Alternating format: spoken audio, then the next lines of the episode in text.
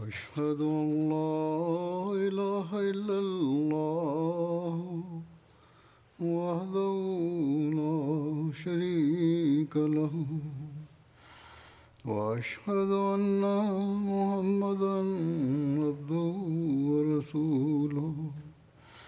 أما بعد فأعوذ بالله من الشيطان الرجيم. بسم الله الرحمن الرحيم. الحمد لله رب العالمين. الرحمن الرحيم. مالك يوم الدين. إياك نعبد وإياك نستعين. اهدنا الصراط المستقيم. صراط الذين أنعمت عليهم.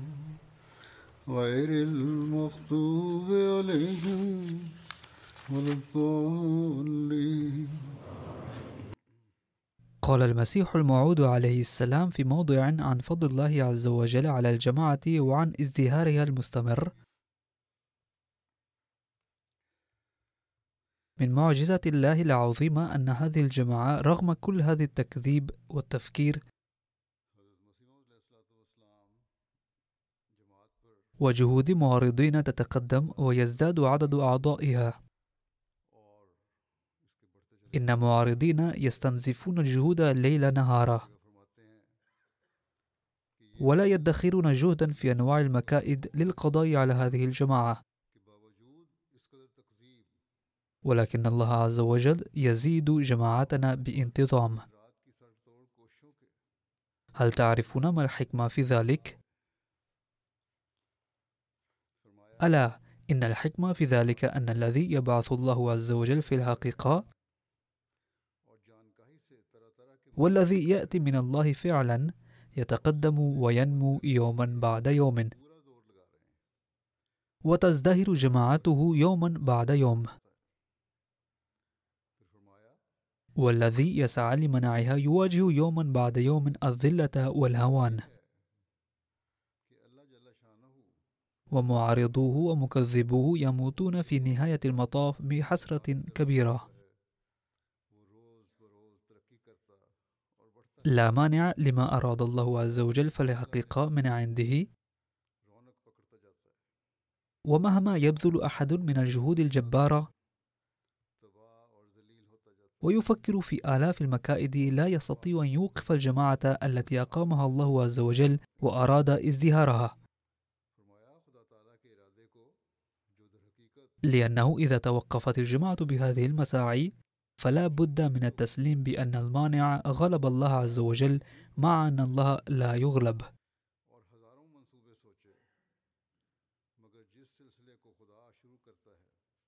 نرى مشاهد تحقق ذلك يوميا.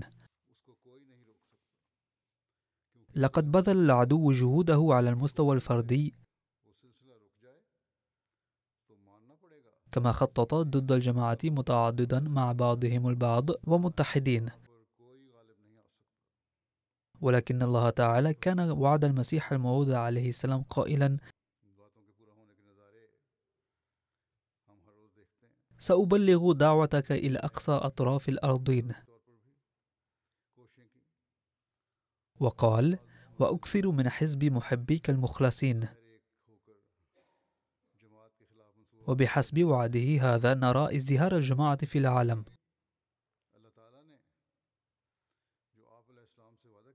يحسب هؤلاء المشايخ المزعومون والمعارضون أنهم سيقضون على جماعة المسيح الموعود عليه السلام بأفواههم ولكنهم لا يعلمون أنهم يبارزون الله عز وجل. وإن مبارزة الله تعالى إنما تؤدي إلى دمارهم أنفسهم. والله تعالى يعين عبده ويؤيده وينصره. ونرى مشاهد تأييد الله عز وجل ونصرته في البلاد النائية أيضا. حيث يصعب وصول الإنسان إليه عموما لصعوبة الطرق ولكن الله تعالى يري مشاهد تأييده هناك أيضا. ويبذل المعارضون كل ما بوسعهم ولكن تبوء جهودهم بالفشل. وفي بعض الأماكن يريدون أن يبثوا الخوف في قلوب الأحمديين بإلحاقهم الضرر المادي والروحي. ولكن هذه الأمور تزيد أفراد الجماعة إيمانا ويقينا. وأحداث تأييد الله التي تظهر في العالم وهي تحقق وعود الله تعالى مع المسيح الموعود عليه السلام. لا يمكن إحصاؤها ولكنني الآن سوف أبين بعض الأحداث لرقي الجماعة يتبين منها أن الله تعالى كيف يلقي في قلوب الناس أن يؤمنوا بالمسيح الموعود عليه السلام ويبايعوه. صحيح أن بعض الناس يعارضون أولا ولكن تكون معارضتهم لقلة علمهم ولكن حين يعلمون الحقيقة لا يتركون المعارضة فقط بل يؤمنون أيضا. لقد كتب أمير الجماعة في كونغو كنشاسا أن الداعية المحلي السيد عيسى يعمل في قرية بمحافظة كانغو سنترال. وقد ذهب مع وفد الجماعة للتبليغ. وكان إمام المسجد الشيخ جبريل معروفا بمعارضة الجماعة في المنطقة. وتحدث الداعية المحلية مع الشيخ عن وفاة المسيح وعن ظهور الإمام المهدي وحين اتضح الأمر عليه أن اعتقاد حياة عيسى عليه السلام في الحقيقة يسيء إلى رسول الله صلى الله عليه وسلم.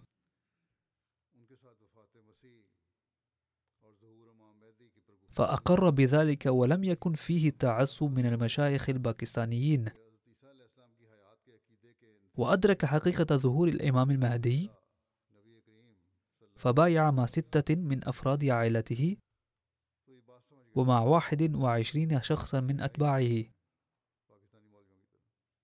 وهكذا نشأ هنا فرع للجماعة. وفي بعض الأحيان يهيئ الله تعالى بنفسه أسبابا للهداية. كتب الداعية في غني كناكري أنه وصل إلى قرية كتايا. من أجل تبليغ وبلغ أهل القرية جميعهم دعوة المسيح الموعود عليه السلام. فقال أكبر شخص في القرية كان جدي يتحدث كثيرا عن المهدي. ولكني لم أفهم كلامه ولم يفصل لي أيضا. ولكنه أخبر بأن له صلة بالإسلام.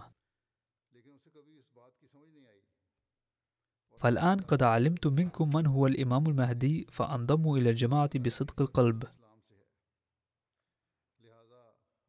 ثم قال مخاطبا أهل القرية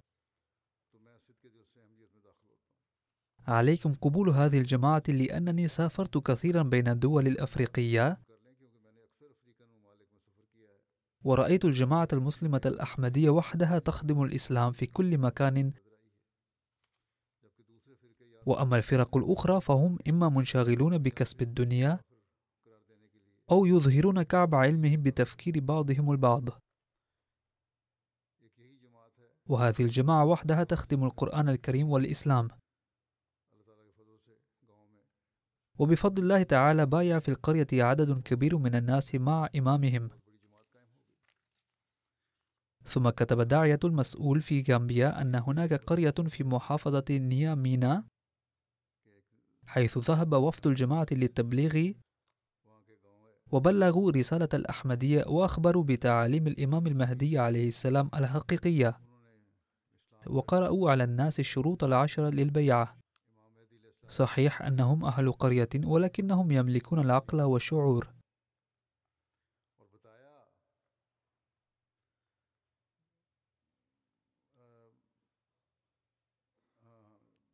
فاستغربوا بسماع الشروط العشرة للبيعة وأدركوا أنها كلها عبارة عن الإسلام الحقيقي الذي بشر به النبي صلى الله عليه وسلم. وقالوا هذه أول مرة نسمع مثل هذا التعليم الجميل والرائع للإسلام. أما مشايخنا فلا يسمع منهم مثل هذه التعاليم الجميلة.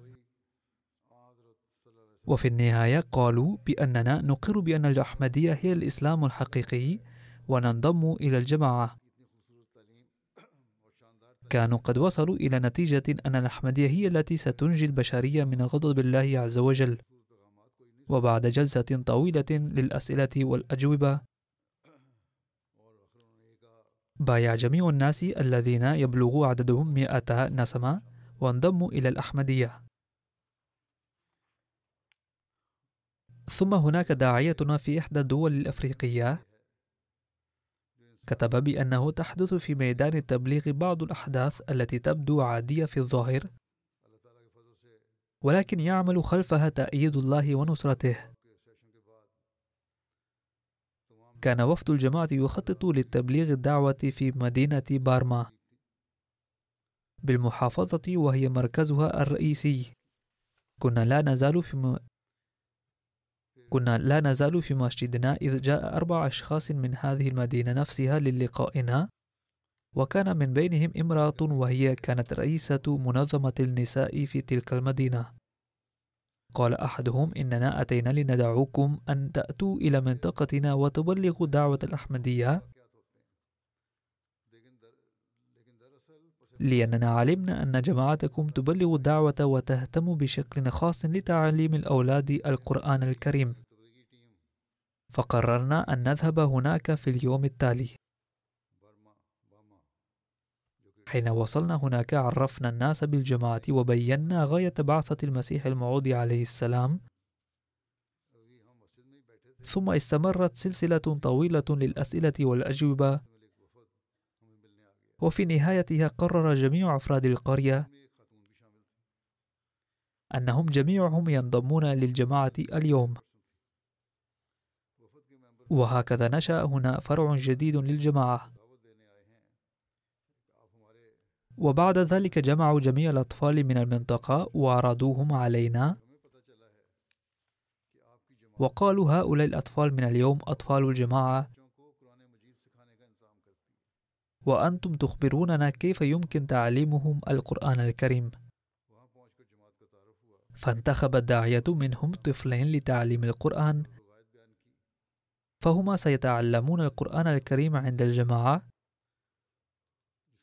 ثم يرجعون إلى مسجدهم ويعلمون الأطفال الآخرين في منطقتهم القرآن الكريم بعقد الصفوف. قال الداعية كنا لا زلنا نرسم للتبليغ ولكن الله تعالى أظهر يد تأييده ونصرته حالا. وفي باكستان لا نستطيع أن نسمع القرآن الكريم ناهيك عن قراءته. قد رفعت مؤخرا قضية على أحمدين في باكستان لأنه كان يستمع إلى تلاوة القرآن الكريم.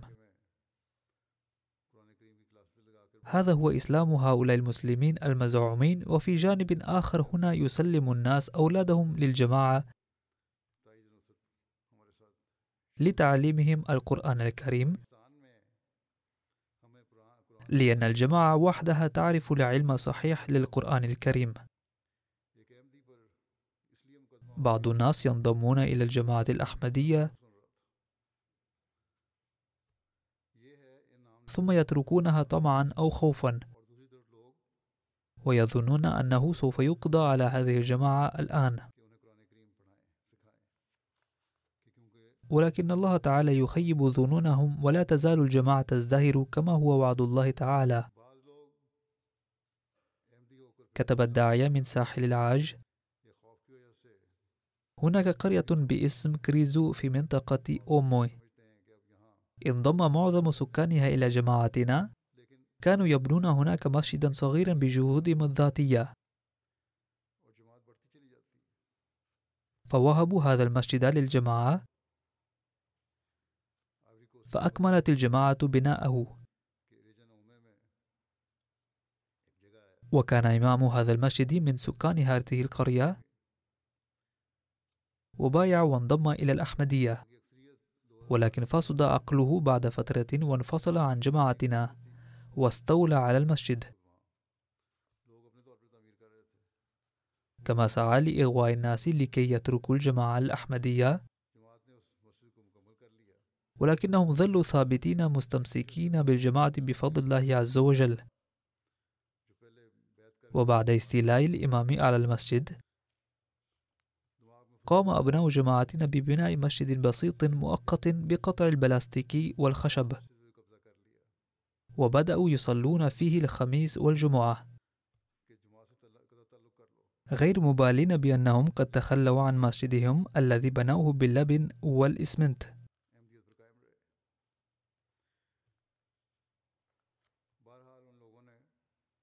على كل حال شمل الله تعالى الجماعة بفضله. ووفقها خلال سنة واحدة لتشييد مسجد جميل في تلك المنطقة. ذي طابقين وقبة ومنارات.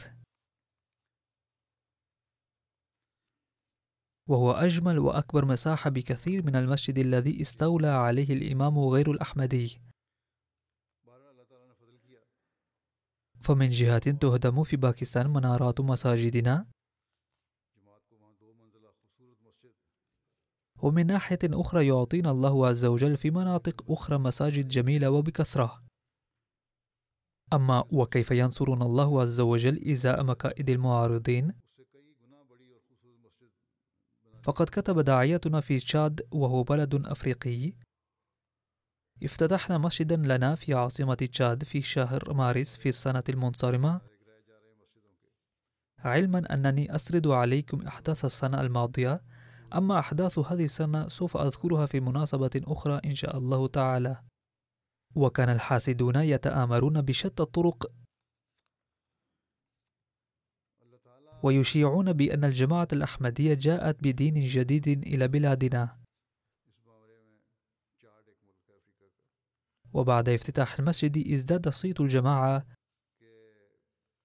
وبدأ الحاسدون يزدادون عددا وكيدا. وكتب الداعية لقد بدأ بعض المشايخ المزعومين في المنطقة يقومون بالدعاية ضد الجماعة في خطبهم في المساجد. وقالوا يجب إغلاق مسجد الأحمديين وجمعوا حولهم الناس. وذهبوا إلى المجلس الإسلامي بتشاد. وقالوا لهم لماذا سمحتم الجماعة الأحمدية ببناء المسجد؟ ولماذا أذنتم لها بأداء صلاة الجمعة فيه؟ عليكم إغلاق مسجدهم فورا لأنه يحدث الفتنة في منطقتنا. فرد عليهم المجلس الإسلامي إن العبادة من حق الأحمديين. فكيف يحق لنا أن نغلق مسجدهم وهو بيت من بيوت الله عز وجل؟ إذا كنتم تخافون فتنة من قبلهم فاذهبوا وأخبروا الشرطة.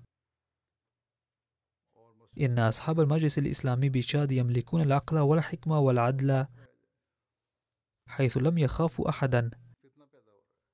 أما في باكستان فإن القضاة يصدرون القرارات ضدنا خوفا من الناس.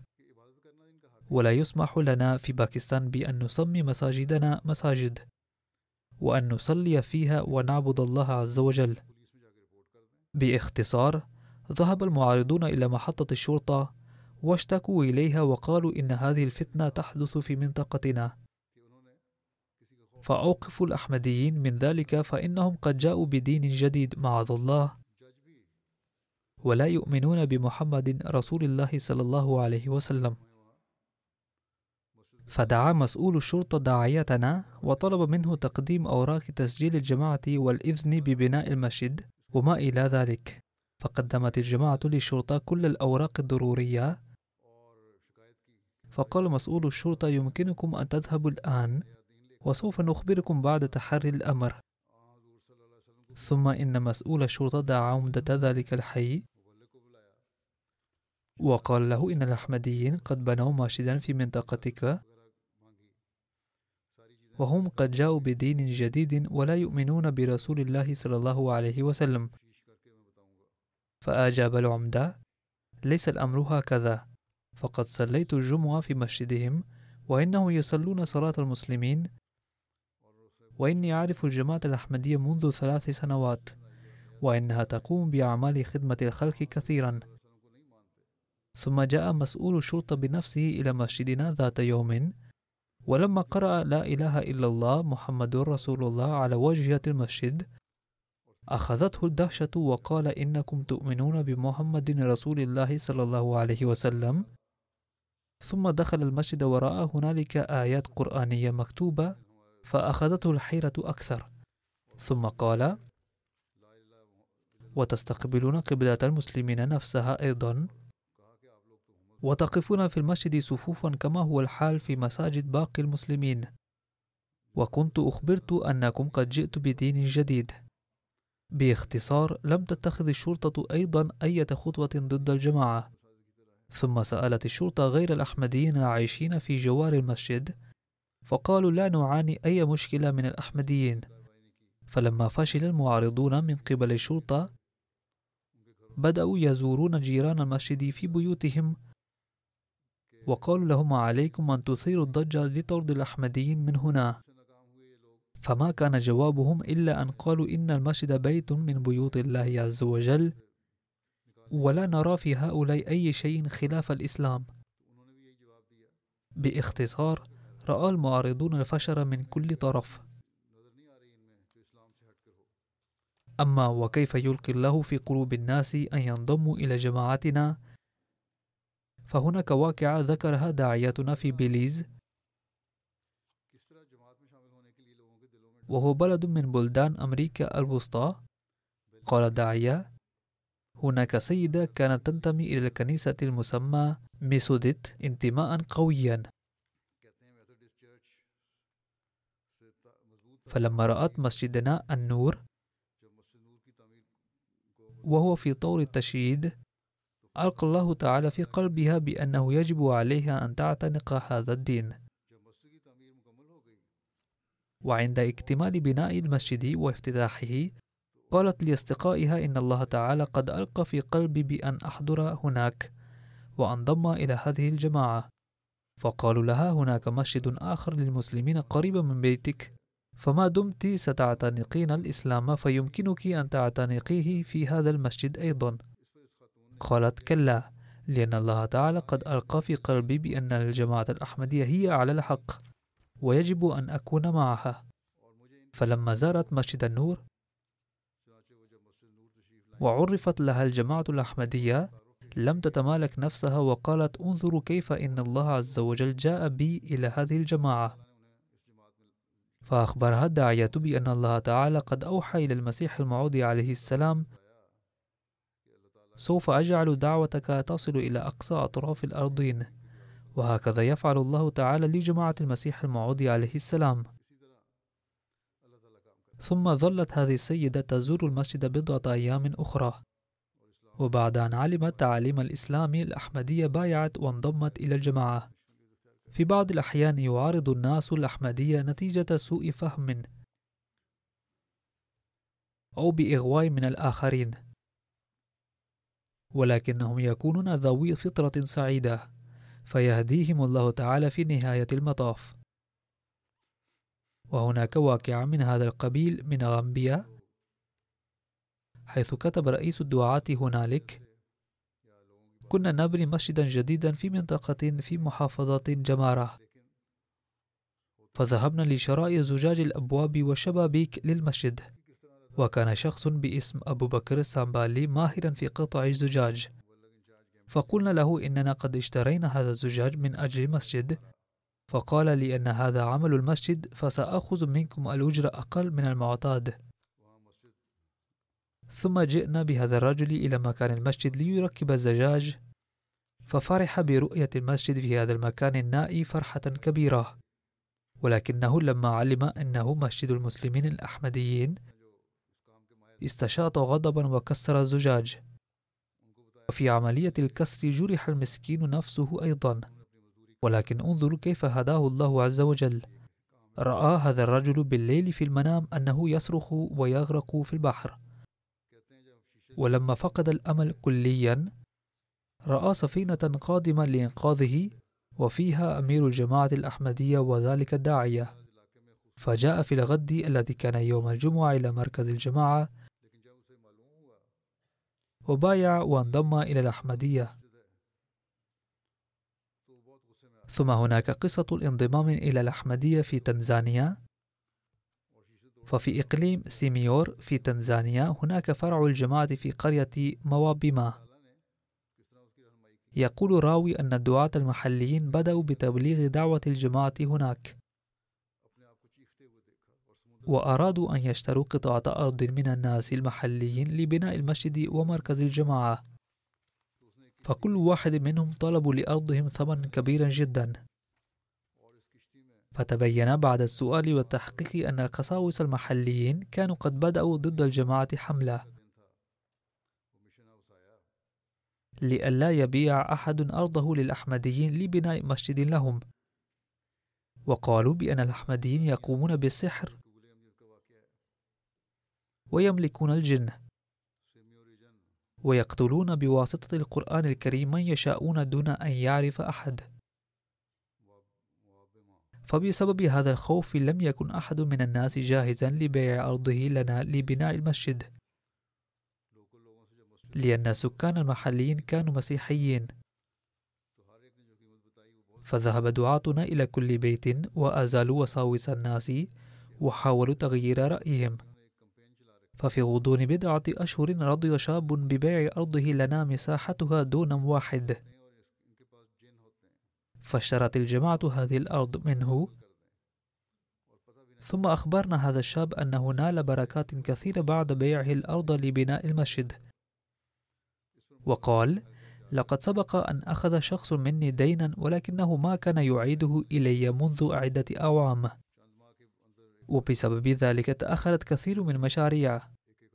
ولكن بعد بضعة أيام من بيع الأرض للمسجد جاء هذا الشخص وسدد الدين من تلقاء نفسه. وبسبب هذه الأموال سددت أنا أيضا ما كان علي من الديون.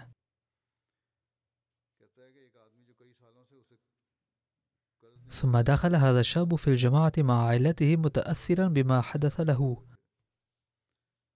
وقال أيضا بعد ذلك جرت في هذه المنطقة موجة للانضمام إلى الأحمدية حتى بايع مئات الناس في هذه المنطقة ودخلوا الجماعة.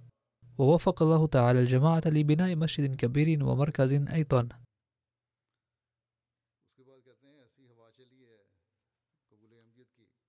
إذا أراد الله تعالى أن يهدي أحدا فيهديه بطرق عجيبة.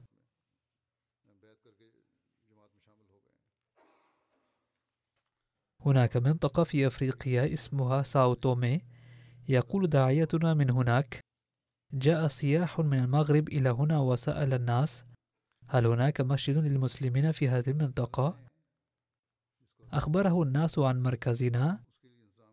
ولما صلى صلاة الجمعة معنا علم أن هذا مركز الجماعة الأحمدية. فطرح بعض الأسئلة ثم قرأ كتاب سر الخلافة والقتل باسم الدين بالعربية.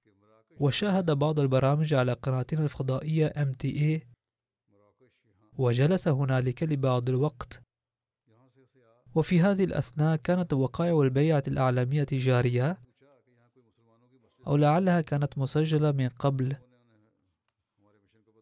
وكانت تبث حين ذاك فشاهدها.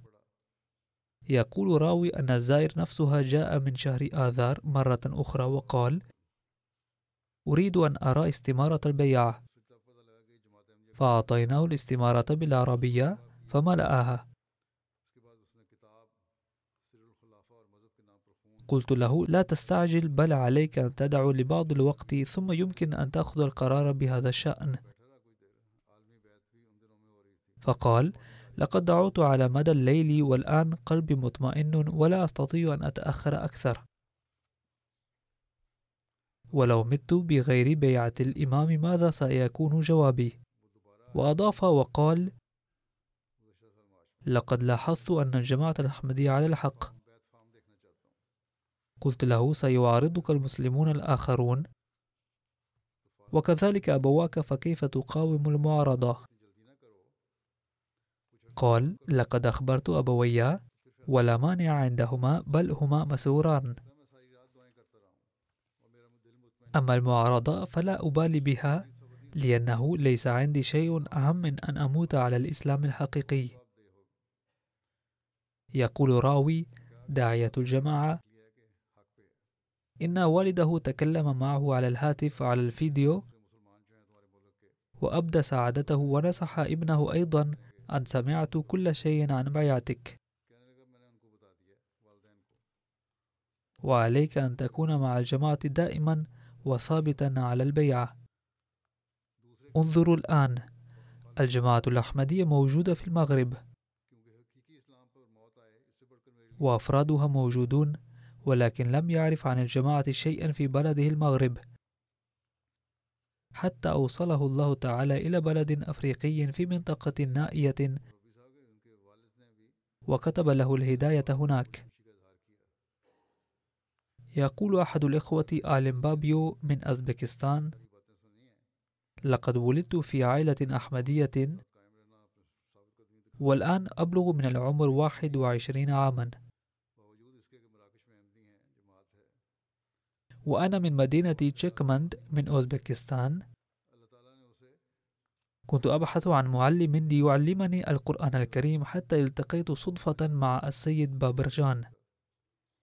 وسمعت منه عن الإسلام الحقيقي.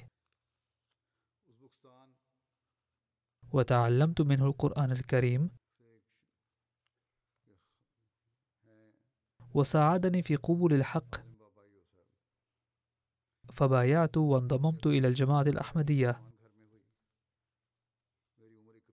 أقول لقد هيأ الله تعالى له شخصا أحمديا ليعلمه القرآن الكريم. هناك أحداث كثيرة من هذا القبيل. وهي ليست وليدة صدفة وهي تحدث في بلاد مختلفة في العالم. وقد سردت بعضها من قبل أيضا وهي تدلل على تأييد الخاص. ويقول أخ آخر اسمه عظيم أو من أوزبكستان نفسها لقد ولدت في عائلة أحمدية قبل أربعة أعوام بدأت أصلي بإلتزام. ثم بدأت قراءة ترجمة معاني القرآن الكريم. وذات يوم وصلتني عبارة قال النبي صلى الله عليه وسلم فيها ما معناه أن من أمتي سيكون أناس على الحق دائما ولن يقدر أحد على إلحاق الضرر بهم. فترسخت هذه الكلمات في ذهني. وبدأت أدعو الله تعالى أن يدخلني في زمرة هؤلاء الناس. بعد ذلك واجهت مشاكل كثيرة حتى فصلت من الوظيفة ولكني استمررت في الدعاء. ثم خالجتني فكرة تعلم القرآن الكريم. ثم يسر الله تعالى لي اللقاء مع الأستاذ بابر الذي كان من الجماعة الأحمدية. وإن كنت لا أعلم ذلك. أولا وقبل كل شيء بدأت تعلم القرآن الكريم.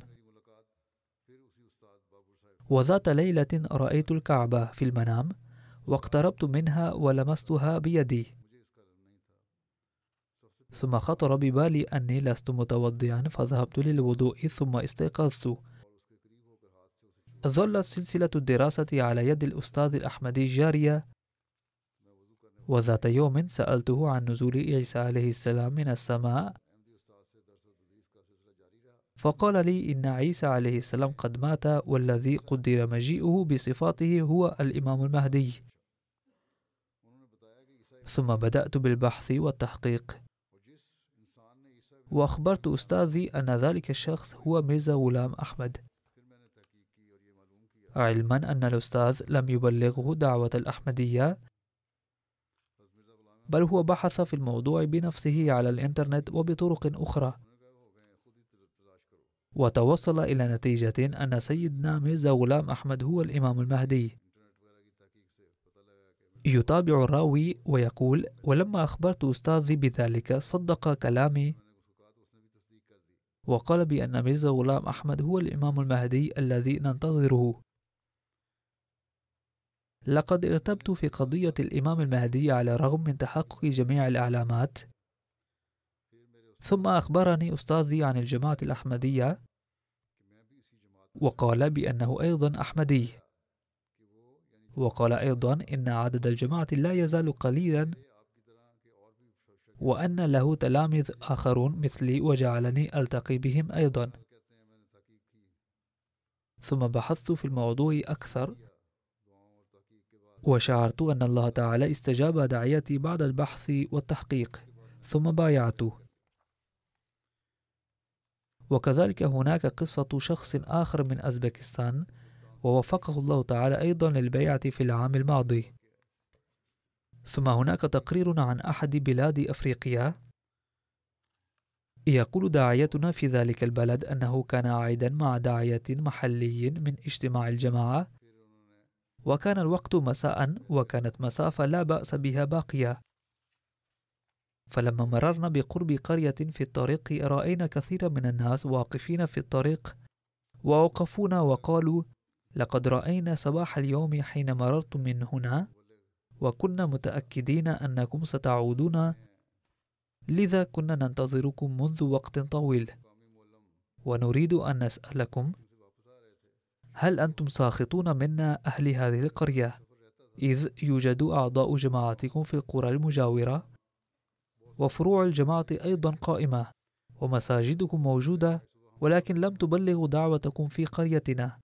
فذهبنا إلى قريتهم من هناك مباشرة وأقدنا جلسة تبشيرية وبايع الناس بفضل الله عز وجل. إذا إن الله تعالى بنفسه يلقي في قلوب الناس أن يبحثوا عن الحق. يقول الداعية المسؤول في أفريقيا الوسطى إن إمامنا غير أحمدي من قرية ناجالا جاء إلى قريتنا الأحمدية وحين رأى المسجد سأل من بنى هذا المسجد. فقيل له قد بناه الأحمديون. فقال ما شاء الله مسجد جميل جدا. في اليوم التالي جاء إلى مركز الجماعة في مدينة بانغي فظل يسأل الداعية عن الجماعة ويتلقى الأجوبة. وأخيرا سأله ما هو الطريق للانضمام إلى جماعتكم. فقال له الداعية إن للإيمان علاقة بالقلب. إذا كنت قد اقتنعت بمعتقدات الجماعة فقد تقبل قلبك الأحمدية. ولكن ينبغي أن تطلع على استمارة البيعة وعليها الشروط العشرة للبيعة يجب أن تقرأها. ثم قدمنا له استمارة البيعة فبدأ يقرأها. والدموع تسقط من عينيه. فلما سألناه عن سبب البكاء قال إنني أعد نفسي من العلماء. وسمعت من المشايخ الآخرين أيضا كثيرا عن الجماعة. وكله باطل تماما. إنني أتقزز من حياتي السابقة بعد قراءة هذه الاستمارة. إذ اعتبرت جماعتكم عكس الحقيقة. لذا لم أستطيع السيطرة على عواطفي. فبعد قراءة هذه الاستمارة عرفت أن الجماعة الأحمدية صادقة ونزيهة. وإن مساجدهم تستقبل قبلة المسلمين. إنكم تصلون كما نصلي وتقرؤون القرآن الكريم نفسه. فاليوم أتقبل معتقدات الجماعة من صميم فؤادي. ثم قدمنا له كتبا فقال سوف أسكت المشايخ بعد قراءتها.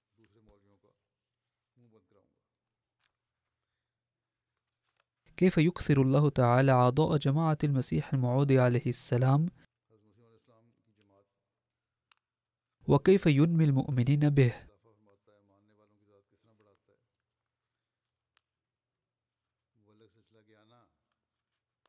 يقول داعية الأحمدي في غي آنا عن ذلك هنا في فرع لندن للجماعة نعرض فيه كتب الجماعة ونوزع نشرات على الناس بانتظام. ذات يوم تلقينا مكالمة قال صاحبها إني قد قرأت نشرتكم. ولم أكن أعرف أنه قريب من بيتي مركز الصلاة أيضا. ثم جاء لصلاة الجمعة. ثم قال إنني مسلم منذ عامين. ولكني لا أعرف قراءة القرآن الكريم. ولم يتسنى لي أن أعرف كيف أصلي. فأرجو أن تعلمني. فقلت له أن يحضر وبقيت حذرا جدا منه. لأن هناك أناس سيئين يأتون من أجل الطلب فقط. وقلت في نفسي سوف يتبين إذا كان في الحقيقة يريد أن يتعلم الدين. فظل يحضر ويتعلم القرآن بانتظام. فلما لم يطلب شيئا رغم مضي مدة طويلة على تعلمه تبين لي أنه جاد في الدين. ثم عرفته بالجماعة وأريته صورة المسيح الموعود عليه السلام فبايعه فسميته باسم إسلامي. وبعد مدة قصيرة أبدى الرغبة في أن يكون داعية أحمديا. فاسترشدتني الجماعة عن ذلك فقلت لهم لا بأس إذا كان جادا فجعلوه داعية. فربوه وعلموه. والآن بفضل الله عز وجل قد تلقى التربية حيث يصلي صلوات ويؤم صلاة الجمعة ويلقي خطب الجمعة أيضا. وبعد قراءة التفسير يلقي الدروس أيضا. ويقول الداعية إنه بعد بيعته بمدة قصيرة أقيم معرض في مركز الصلاة فجاء والداه لزيارته. كان والده يعارض الإسلام بشدة. أما والدته فقالت إنها كانت ترغب في الإسلام في زمن مضى. ولا سيما كانت تعجب بحجاب النساء فانجذبت إليه. باختصار قلت لهذا الداعية الجديد أن يبلغ والديه رسالة الجماعة. لكي نضمهما أيضا إلى الأحمدية ونعلمهما الإسلام. فقال إنهما متشددان في أمر الدين وأن والدته قد تعمدت وترتاد الكنيسة. فقال يجب أن ندعو. كما قلت لهذا الشاب أيضا أن يدعو لوالديه أن يميل قلبهما للإسلام. فقد أخبر لاحقا أن والدته ذات يوم بدأت تسأله من تلقاء نفسها وبدأت تحضر صلاة الجمعة أيضا. ثم ذات يوم قالت من تلقاء نفسها إنها تريد أن تبايع. فانضمت إلى الجماعة. فالناس بفضل الله عز وجل ينضمون إلى الجماعة بانتظام ويحضرون صلاة الجمعة ويقيمون الصلاة وأقرت أيضا أنها بعد البيعة وجدت بركة كبيرة في صحتها ومالها. ولم تكن تشعر بهذه البركة يوم كانت مسيحية. فهي الآن تشاهد برامج القناة الأحمدية بانتظام. لقد سردت عليكم بعض الأحداث عن تحقق ما وعد الله عز وجل مع المسيح الموعود عليه السلام وهناك أحداث كثيرة من هذا القبيل. إن المعارضين كما قال سيدنا المسيح الموعود عليه السلام يبذلون قصارى جهودهم وفي الطرف الآخر يفتح الله عز وجل الطرق لتقدم الجماعة في كل بلاد العالم. وإذا كان هذا الأمر يجب أن يسوقنا إلى شكر الله ففي الوقت نفسه يجب أن نفحص نفوسنا ونسعى لتقوية الإيمان ويجب أن نسعى دوما لتحسين أوضاعنا العملية ويجب أن نرسخ في قلوب أجيالنا أيضا أن الابتلاءات تحدث. لكن الانتصار بفضل الله تعالى لجماعة أقامها الله عز وجل. لذا يجب ألا ندع إيماننا يتزلزل أبدا. رزق الله القدامى والجدد أيضا الثبات ويزيدهم إيمانا وإيقانا على الدوام.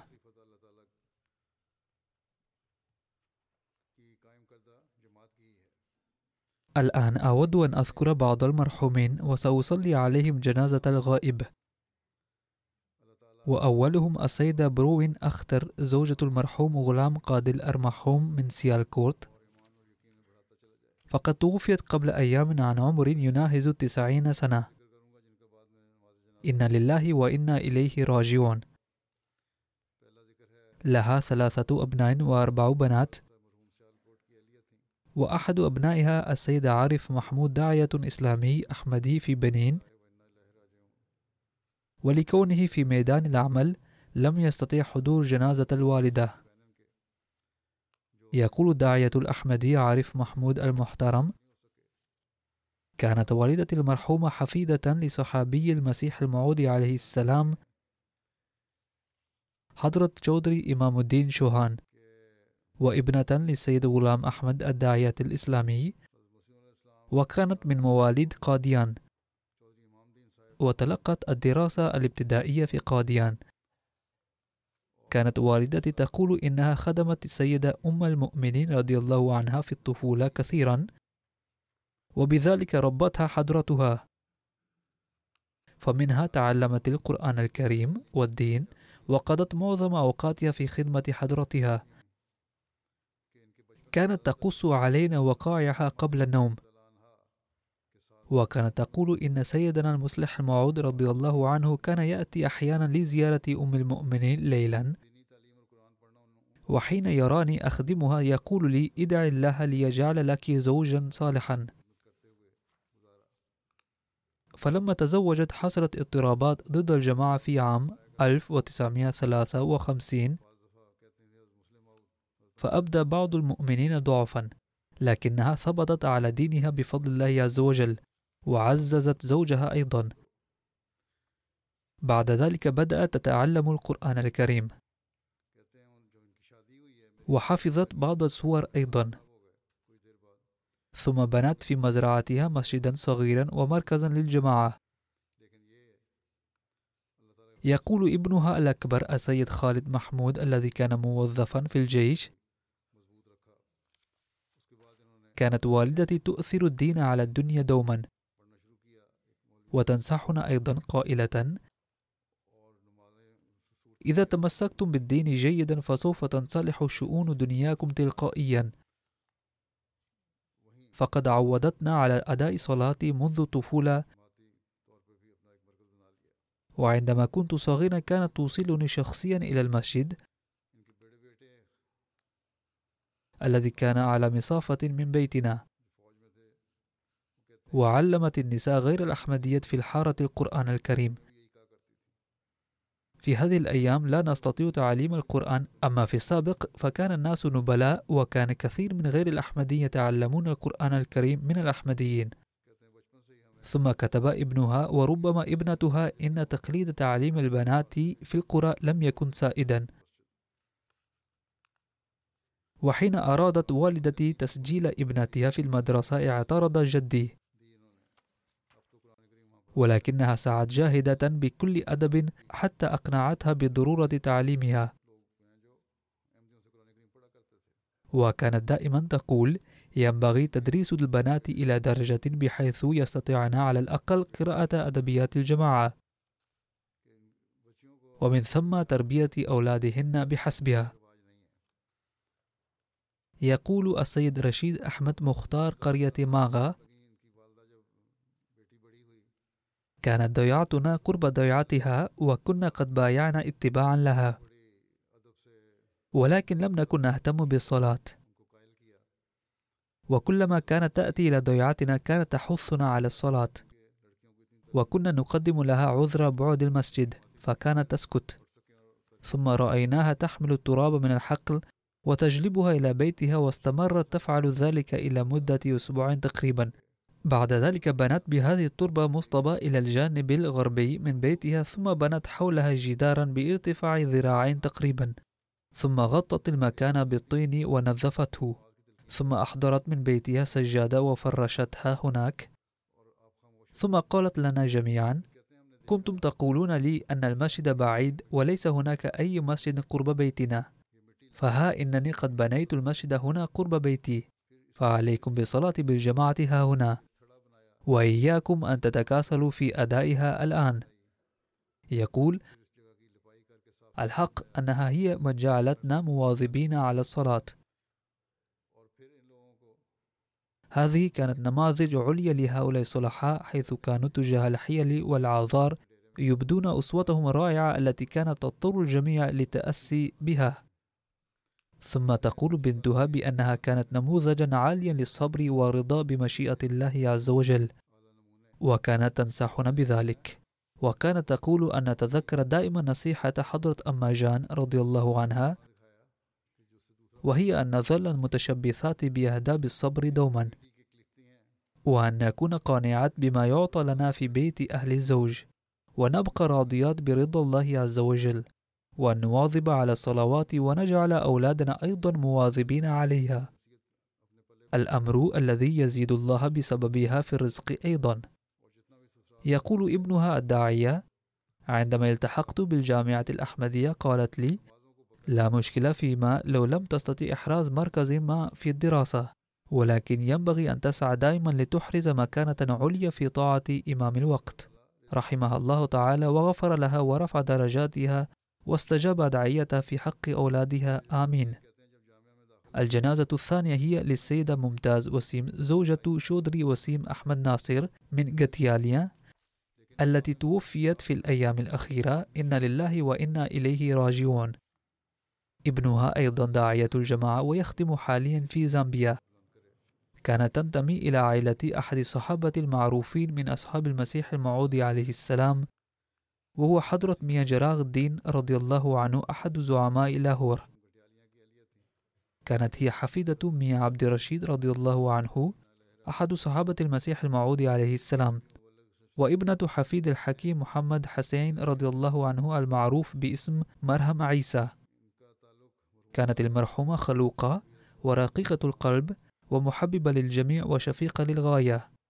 كانت الجميع يعترفون بأوصافها الحميدة كانت تكن للخلافة ونظام الجماعة احتراما وكانت تكتب إلي دائما للدعاء كما كانت تنصح الآخرين لمراسلة الخليفة.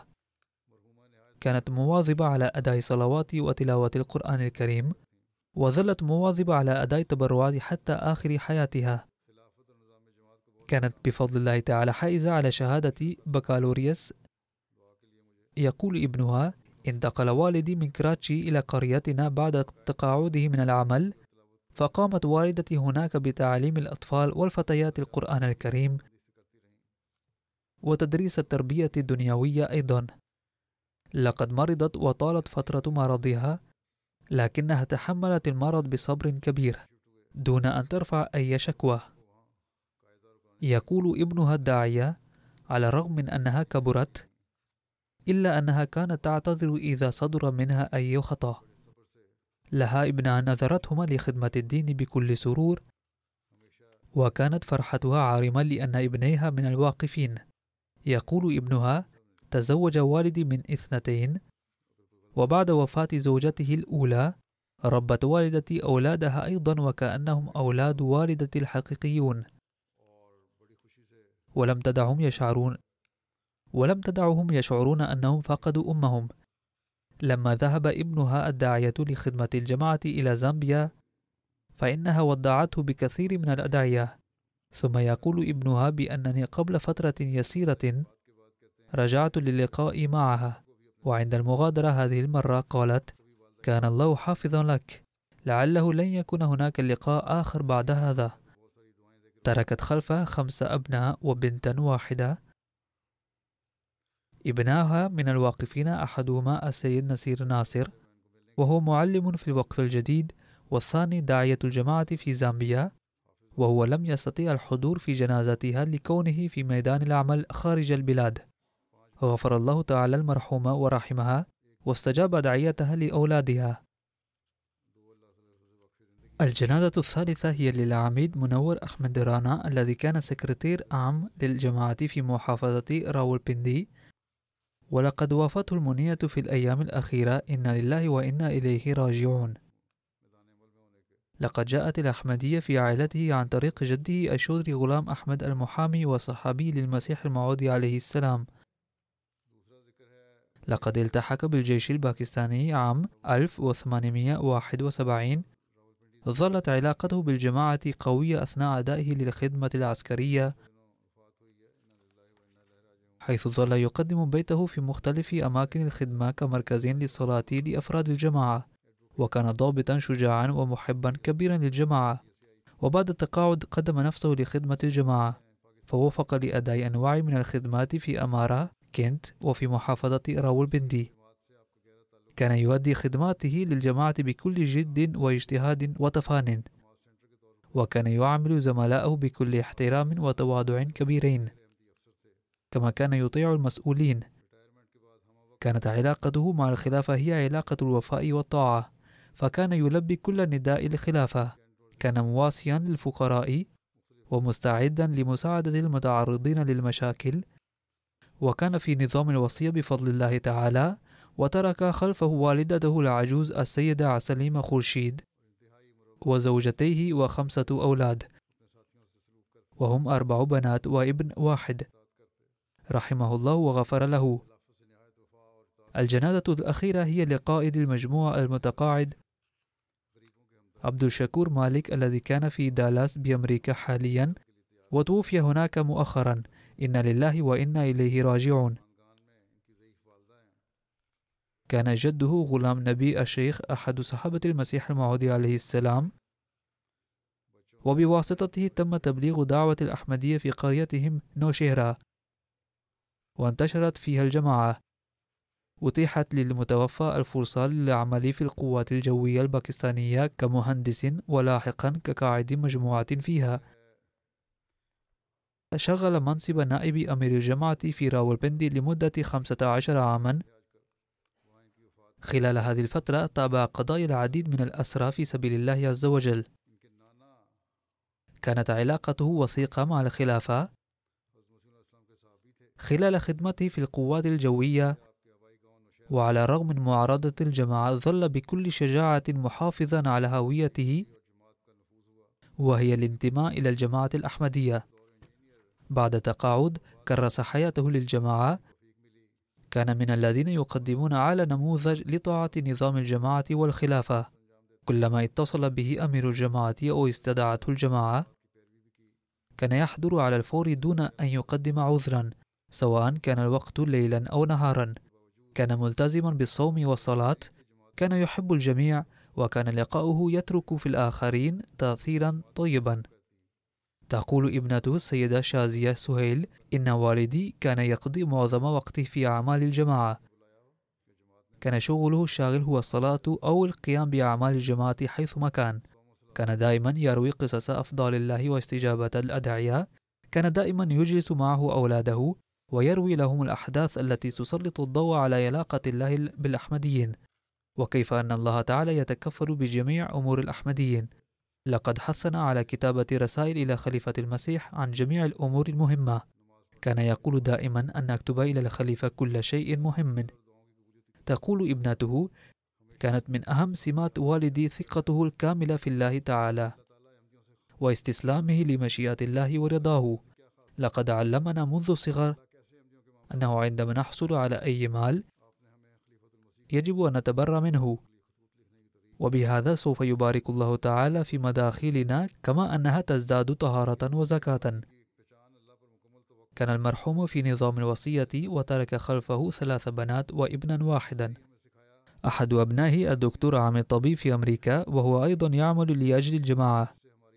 رحم الله الفقيد وغفر له.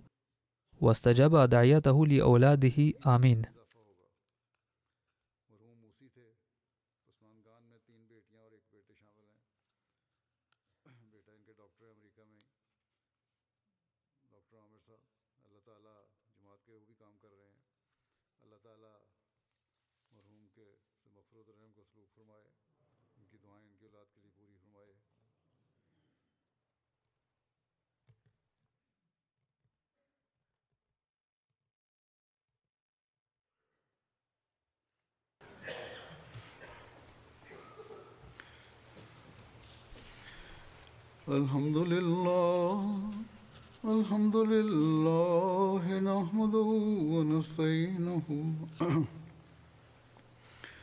ونستغفره ونؤمن به ونتوكل عليه.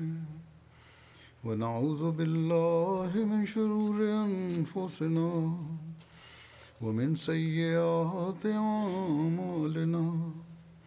من يهده الله فلا مضل له ومن يضلل فلا هادي له. ونشهد أن لا إله إلا الله ونشهد أن محمدا عبده ورسوله. عباد الله رحمكم الله.